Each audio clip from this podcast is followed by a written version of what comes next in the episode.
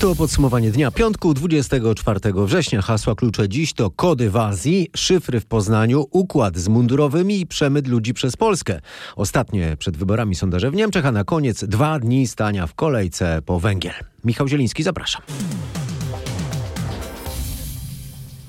W podsumowaniu dnia na początek temat, który pojawił się wczoraj, a który dziś się mocno rozwinął. Chodzi o zagraniczne podróże informacji genetycznej Polaków, głównie na Daleki Wschód. Przed czym ostrzegał wczoraj w rozmowie ze mną przewodniczący Komitetu Genetyki Człowieka i Patologii Molekularnej Polskiej Akademii Nauk. Profesor Michał Wid alarmował też, że inaczej niż w innych państwach Europy, w Polsce nie ma przepisów, które chroniłyby przed takim wypływem danych genetycznych za granicę.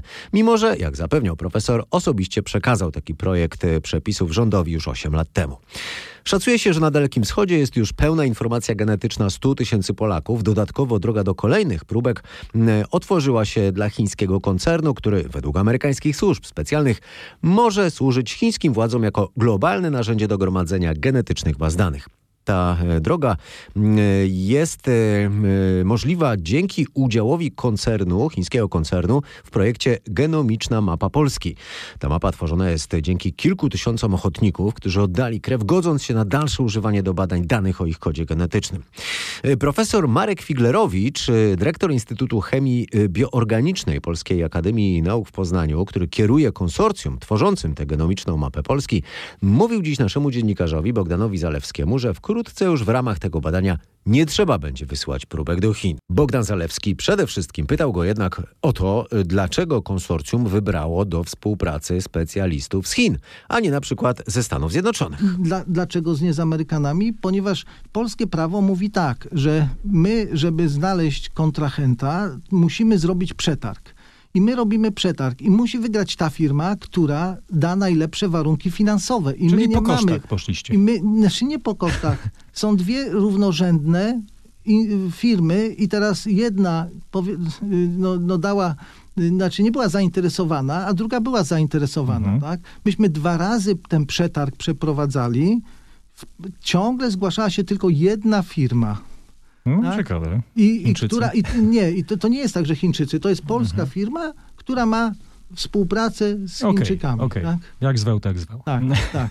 No, no ale no, Proszę pana, no, ale dobrze, wpływu. ale dobrze, no wiadomo, pan mówi o sprawach naukowych, argumentacja do mnie przemawia, Tak. jestem laikiem, ale przemawia Tak. to do mnie. Natomiast no, mamy sytuację geopolityczną. Przyzna pan, że tutaj Tak. są wielkie podmioty, które grają swoją, odgrywają swoją rolę i mamy wojnę po prostu, no jak Tak. zwał, tak zwał, czy to jest wojna celna, czy, czy biomedyczna, czy jakakolwiek, Tak. czy to jest wojna o 5G, prawda, no to, no to prawda, To jest no, dokładnie to samo. no jest nowy rynek no to musimy się walka, trzymać- żeby go podzielić. no musimy się trzymać Amerykanów, tak? No, my byśmy bardzo chcieli. Ja w naszym laboratorium mamy sekwenatory amerykańskie. y, I, y, bo teraz właśnie problem polega na tym, że ta technologia, tak jak wspominałem przed chwilą, wtedy sekwenator kosztował 5, 50 milionów, teraz kosztuje 5. I teraz Mhm. możemy to wszystko zrobić sami. I dlatego zdecydowaliśmy się, że dalsza część tego projektu będzie robiona wyłącznie w Polsce. Mhm. Okej, jest- no ale, ale rozumiem, tak jak y, teraz przed chwilą powiedziałem, że jest to bardzo delikatna sprawa, nie tylko wrażliwe Tak. dane, ale także delikatna sprawa. Czy, czy wy macie, przepraszam bardzo, może pan nie Tak. odpowiedzieć na to pytanie, czy, czy pan się spotyka, spotyka, przepraszam za słowo, ze smutnymi panami? Y, Znaczy, y, okej, rozumiem, że chodzi o agencje trzyliterowe tak zwane. Tak jest. I y, i ja muszę powiedzieć, że zdawaliśmy sobie też z tego sprawę, że, ta, że jest to bardzo delikatny projekt i narażony na liczne zagrożenia. I Jest to słona powiem kontrwywiadowcza, czy nie ma? Tak, ja zgłosiłem to, no bo A, proszę. Państwa, tak, Mhm. bo, bo proszę Państwa, no bo jeżeli my jesteśmy instytucją naukową i do przetargów startują ludzie z całego świata, jak Instytut Naukowy może zweryfikować wiarygodność tych wszystkich firm, czy ktoś za nimi stoi, No czy nie stoi. parasol.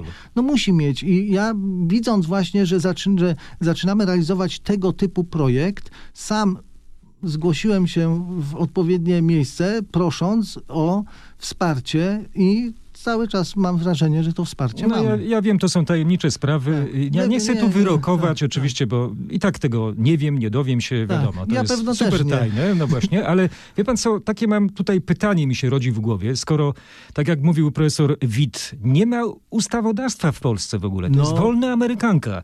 Y, No, profesor Witt mówił, że nawet była przygotowana, projekt ustawy był przygotowany i nikt tego nie podjął. No to co, to, to jest ta ochrona, czy jej nie ma? Znaczy, y, bo jeszcze raz, mamy wielo, znowu jest, odbywa się to na wielu płaszczyznach, powiedziałbym, ta ochrona. Z jednej strony może to być ochrona taka właśnie przed różnymi firmami, które mogą wyłudzać y, pieniądze albo, Lobbystami, albo, tak. albo, albo lobbystami, a druga sprawa to jest jak te, jak te problemy rozwiązać w Polsce. I to jest już być może ta, to, na, te, na, ta nasza rozmowa, tak jak i pana profesora Michała Wita, przyczyni się do tego, że w końcu ktoś tu zauważy to.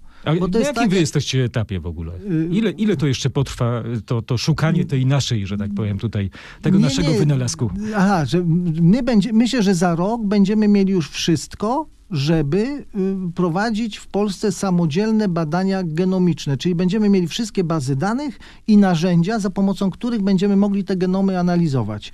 Polski genom, Chińczycy, a broń biologiczna. Rozmowa Bogdana Zalewskiego y, z profesorem Markiem Figlerowiczem znajdziecie na- na naszej stronie w internecie rmf24.pl. Tam również w podcaście Wielkie Pieniądze, Wielki Świat w najnowszym odcinku moja rozmowa y, z profesorem Michałem Witem. Polecam, to bardzo interesujący temat. A teraz w podsumowaniu dnia o innym kodzie.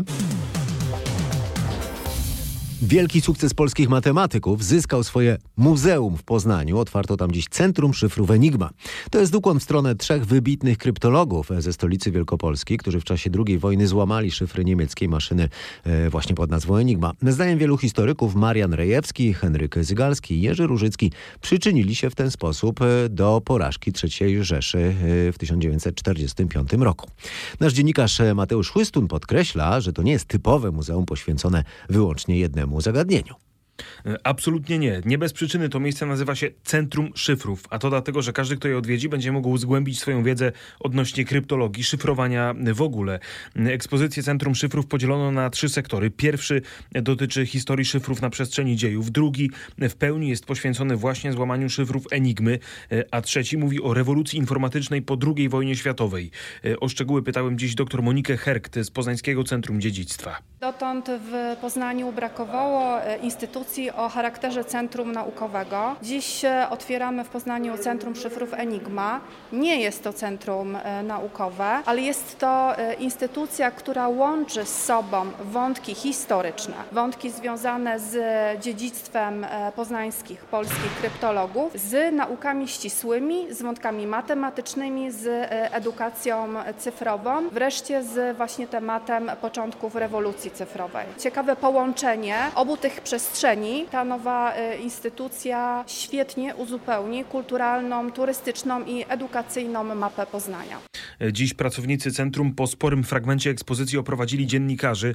Usłyszeliśmy m.in. o wykorzystaniu wystrzępionego grzebienia przy łamaniu szyfrów. Tutaj każdy może posługując się tym właśnie grzebieniem, patrząc przez zęby na szyfrogram, wykonać tę pracę, którą porucznik Kowalski wykonywał. Co się wydarzyło? Oczywiście grzebień to nie było narzędzie, które wygrało wojnę polsko-bolszewicką, ale było pewnym symbolem, bo oprócz tego zdobywano sowieckie radiostacje, łamano bardziej skomplikowane sowieckie szyfry, Więcej szczegółów nie zdradzamy, warto przekonać się o nich samemu. Od jutra Centrum Szyfrów Enigma będzie otwarte dla zwiedzających. Przypomnę tylko, że mieści się u zbiegu ulic Święty Marcin i Kościuszki w Poznaniu, gdzie przed wojną znajdował się budynek Biura Szyfrów Sztabu Generalnego Wojska Polskiego. Słuchajcie podsumowania dnia piątku 24 września. Teraz y, pora na dwie minuty o pieniądzach.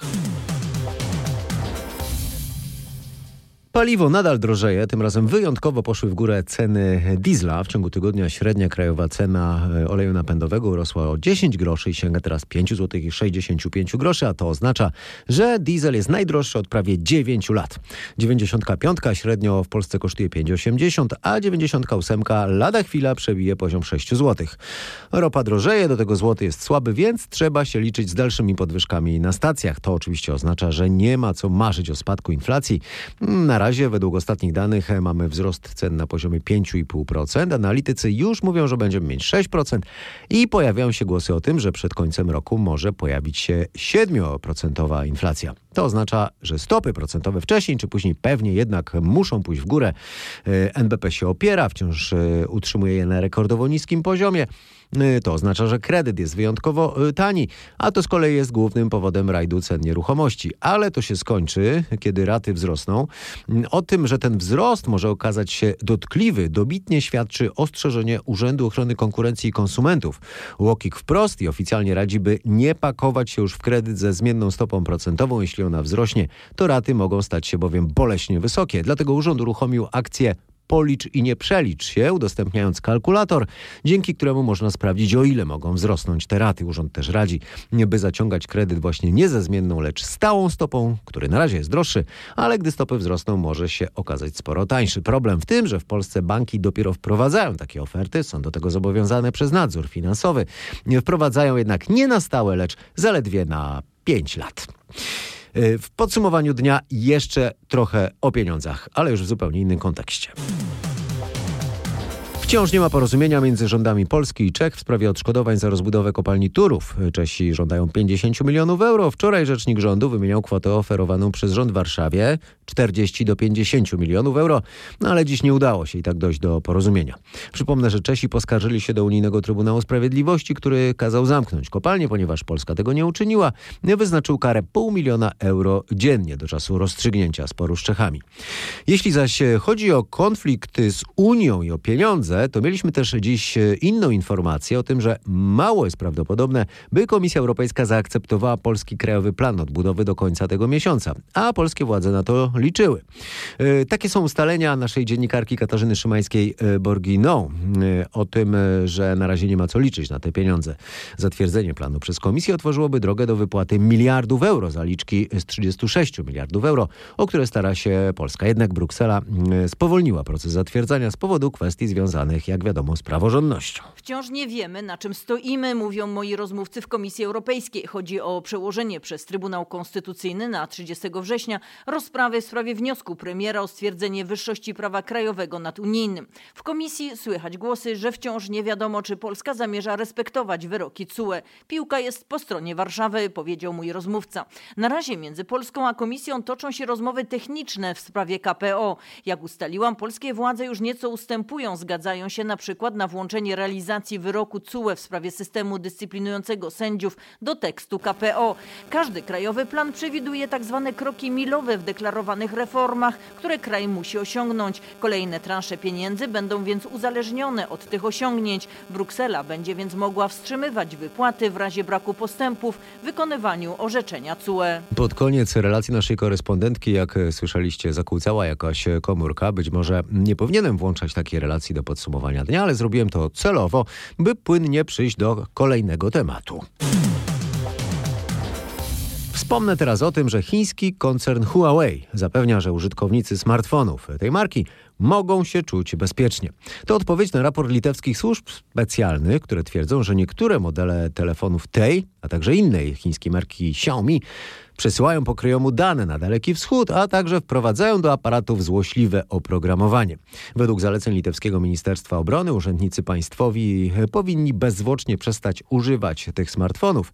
No i to samo doradzają e, też władzom innych krajów europejskich. To wszystko następuje w czasie gwałtownego pogorszenia stosunków między Litwą i Chinami.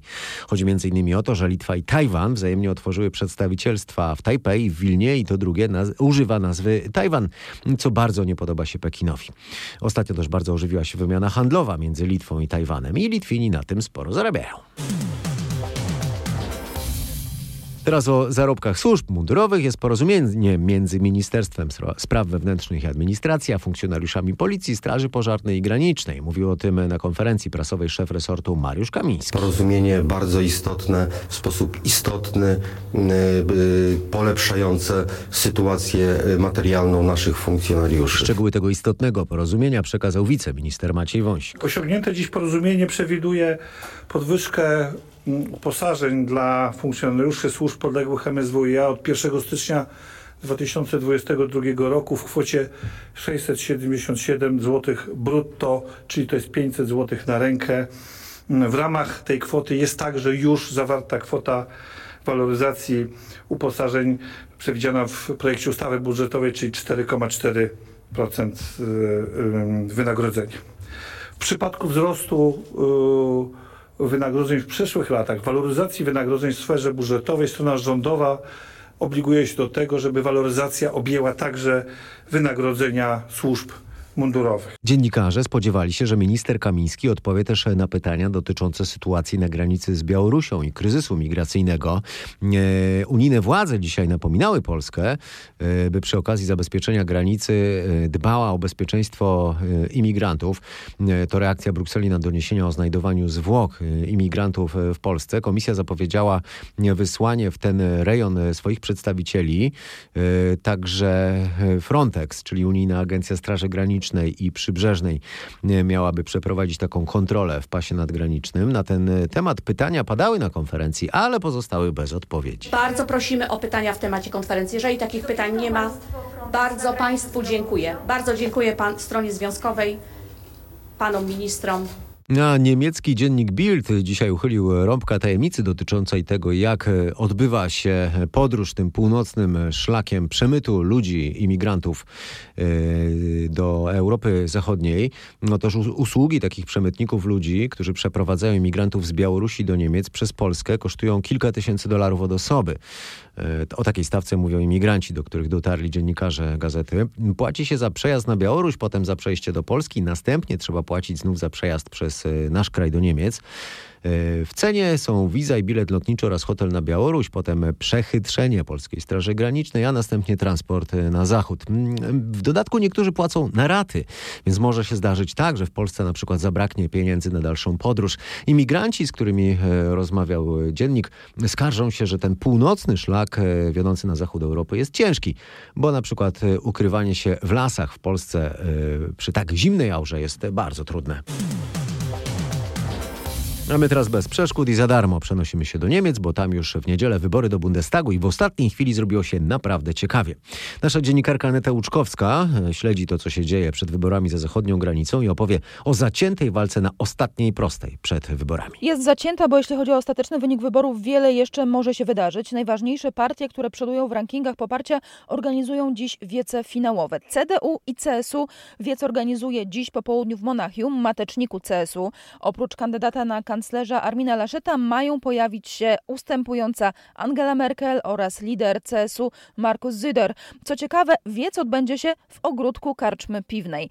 SPD organizuje dziś spotkanie w Kolonii. Ma na nim także dziś po południu przemawiać e, Olaf Scholz, kandydat socjaldemokratów na kanclerza. Z kolei Zieloni będą w Düsseldorfie. Na wiecu tej partii będzie i kandydatka Annalena Baerbock i szefujący razem z nią zielonym Robert Habeck. Swoje spotkania przedwyborcze organizują też oczywiście liberałowie z FDP, Lewica i populiści z AfD. A dlaczego na tej ostatniej prostej e, stworzyło się takie napięcie? Co mówią te ostatnie przedwyborcze sondaże? Najnowsze badania preferencji wyborczych Niemców pokazują, że wygrać mogą zarówno socjaldemokraci, jak i chadecy. Poparcie dla SPD według wszystkich sondaży wynosi 25%, to spadek o 1 punkt procentowy. Prognozowany wynik Hadeków waha się w zależności od ośrodka, który przeprowadzał badanie. Według tego najbardziej optymistycznego dla CDU sondażu ugrupowanie może liczyć na 23% głosów. To wzrost o 1,5 punktu w stosunku do poprzedniego badania. W tej sytuacji SPD byłoby w zasięgu błędu statystycznego. Najgorszy dla CDU-CSU wynik badania opinii mówi o poparciu rzędu 21%. Trzecią siłą Bundestagu najprawdopodobniej będą Zieloni. Poparcie sondażowe waha się między 14 a 17%. Dalej są FDP i AfD. Poparcie dla liberałów i populistów jest na mniej więcej tym samym poziomie 11%.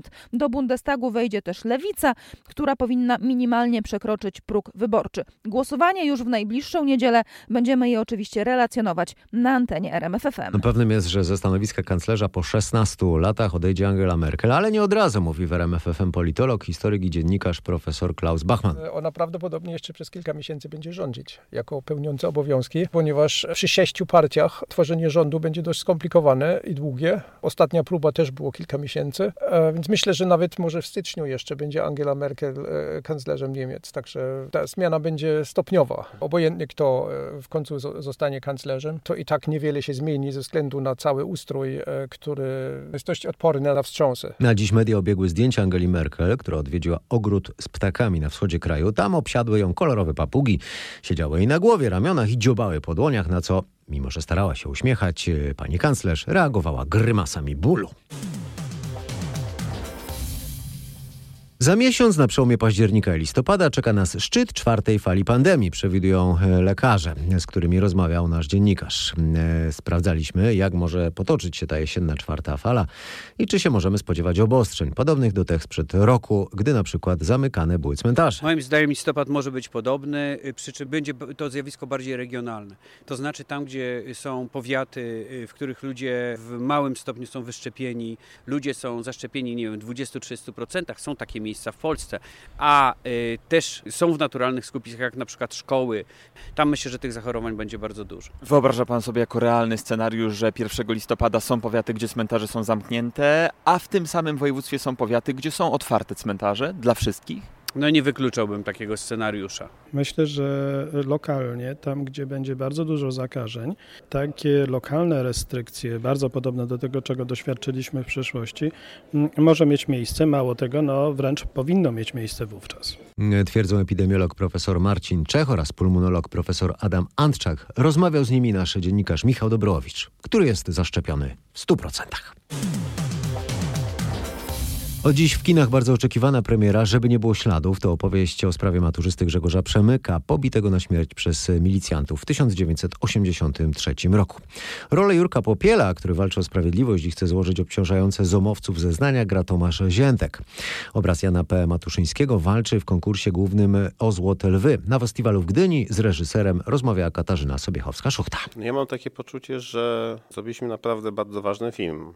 I on jest ważniejszy na, na większej ilości przestrzeni, na z większej ilości punktów widzenia niż może ja kiedyś myślałem robiąc ten film. I nabieram coraz więcej szacunku do tego po prostu. I jakby obserwuję i czekam, co się będzie dalej działo bo jestem teraz przekonany, że ten film na pewno będzie powodował dyskusję. Mam nadzieję, że te dyskusje będą ciekawe i że spowodują coś dobrego. Chciałam jeszcze zapytać o e, tę współpracę z, z Tomkiem Ziętkiem, bo wczoraj miałam okazję z nim e, chwilę porozmawiać e, na temat tego, jak wiele przestrzeni mu dałeś, żeby on mógł tę swoją wielowymiarową postać stworzyć. Ja staram się pracować z aktorami tak, żeby czasami, czasami muszę ich trochę przekonać, trochę uruchomić, różnie, każdy jest inny Natomiast chodzi generalnie o to, żeby oni też dawali coś z siebie, żeby to był też dla nich proces twórczy, a nie jedynie odtwórczy. W związku z tym zawsze jest jakaś taka przestrzeń, która albo jest przeze mnie zostawiona, albo aktor sam sobie wybiera tą przestrzeń, albo na przykład równolegle, jak rozmawiamy o, o postaci opartej na jakichś prawdziwych wydarzeniach, sytuacjach, czy czegoś, z czego czerpiemy, nawet jeżeli to nie jest y, oparte na faktach, no to zawsze zachęcam do takiego przejrzenia w, jakby w sobie i znalezienia tej perspektywy. E, Tomek jest bardzo um, takim plastycznym aktorem i jakby chętnym do rozmowy i do kopania do spodu, jeśli chodzi o taki poziom szczegółu, e, po to, żeby zrozumieć um, postać. To nie do końca jest taki proces jak ma, nie wiem, Daniel Day-Lewis na przykład, który jakby stara się naprawdę bardzo głęboko w Stanisławskiego wejść. Jakby Tomek to robi trochę inaczej. Tak mi się wydaje, że to jest trochę inne kombinowanie, bo ja w każdej jego postaci, którą kreuję na, na, na ekranie, widzę jakby, że to wynika z jego, którym przywołał, skoro już wspomniałem Daniel Day-Lewisa, no to powiedziałbym, że że Tomek jest bardziej takim typem jak na przykład Janusz Gajos, który zawsze gdzieś tam jest sobą, ale za każdym razem jest trochę inny, że to wynika jakby z innego środka, inaczej to jest gdzieś ułożone. Cały proces współpracy z Tomkiem był dosyć długi i, i też przez pandemię rozciągnięty siłą rzeczy, w związku z tym e, myśmy mogli się naprawdę nagadać. No i ja jestem bardzo usatysfakcjonowany tym, cośmy razem zrobili. Mówił Jan P. Matuszyński w wywiadzie nagranym na festiwalu w Gdyni przez e, Katarzynę Sobiechowską-Szuchtę. Wczoraj w podsumowaniu dnia mówiłem na początku o tym, że już zaczął się sezon e, grzewczy, no to dziś na koniec wspomnimy o tym, że rośnie ruch w składach opału. Widać to przed śląskimi kopalniami, gdzie systematycznie przybywa czekających na załadunek ciężarówek i to z całego kraju. I kolejki są tam coraz dłuższe. Z rejestracji wnoszę, że pan z daleka przyjechał. No z Radomskiego. Ile pan czeka? 19,5 godziny. I ile jeszcze przed panem? A drugi jestem po Orzecha dwójkę i nie wiadomo. Wszędzie mówią, że, że węgiel leży na hałdach, a żeby ten węgiel kupić, no to jest problem, bo ja jestem, mam, prowadzę skład opału i tak naprawdę, żeby dostać towar wartościowy, bo są, leży na hałdach, ale miał, a taki towar wartościowy, no to widzi pan. W tym składzie węglowym już ruch po węgiel widać? Tak, no aczkolwiek no, prowadzimy tą działalność y, przy samym Wrocławiu i widać, że jednak te większe aglomeracje przenoszą się na te inne paliwa, gaz albo pompy ciepła. No, widać, widać ewidentnie, że z roku na rok ta sprzedaż maleje. A u pana jaki węgiel ludzie kupują? Ten najtańszy jednak? Wie pan co, no raczej chyba stawiają na jakość. y, Jednak. Jednak jakość, jednak jakość y, na pierwszym miejscu. Nie chcą, wolą mieć święty spokój, wolą, żeby to się dobrze paliło. Mm, Importowy, syberyjski, ruski, to tam jest niżowy temat, bardziej gdzieś tam ten polskie, lepsze. Wolą zapłacić i, i mieć problem z głowy. Ile stania przed panem, jak pan uważa? Różnie powiedzieć. Niekiedy się stoi po dwa dni, po trzy dni. No może dzisiaj ostatni dzień tygodnia, to może akurat pójdzie szybciej. Z kierowcami ciężarówek przed bramą kopalni Wujek w Katowicach rozmawiał Marcin Buczak. Dodam, że długoterminowe prognozy pogody na razie nie wskazują na nadejście zimy jeszcze przez miesiąc. Maksymalna temperatura będzie w Polsce w ciągu dnia dwucyfrowa. A w przyszłym tygodniu ma być nawet ponad 20 stopni. Ciepło zatem pozdrawiamy na koniec. Dziękując za uwagę. W przyszłym tygodniu przenoszę się do radia internetowego RMF24. Będę tam codziennie do południa, a podsumowanie dnia będzie dla Was przygotowywał Michał Gardias. Do usłyszenia i miłego weekendu.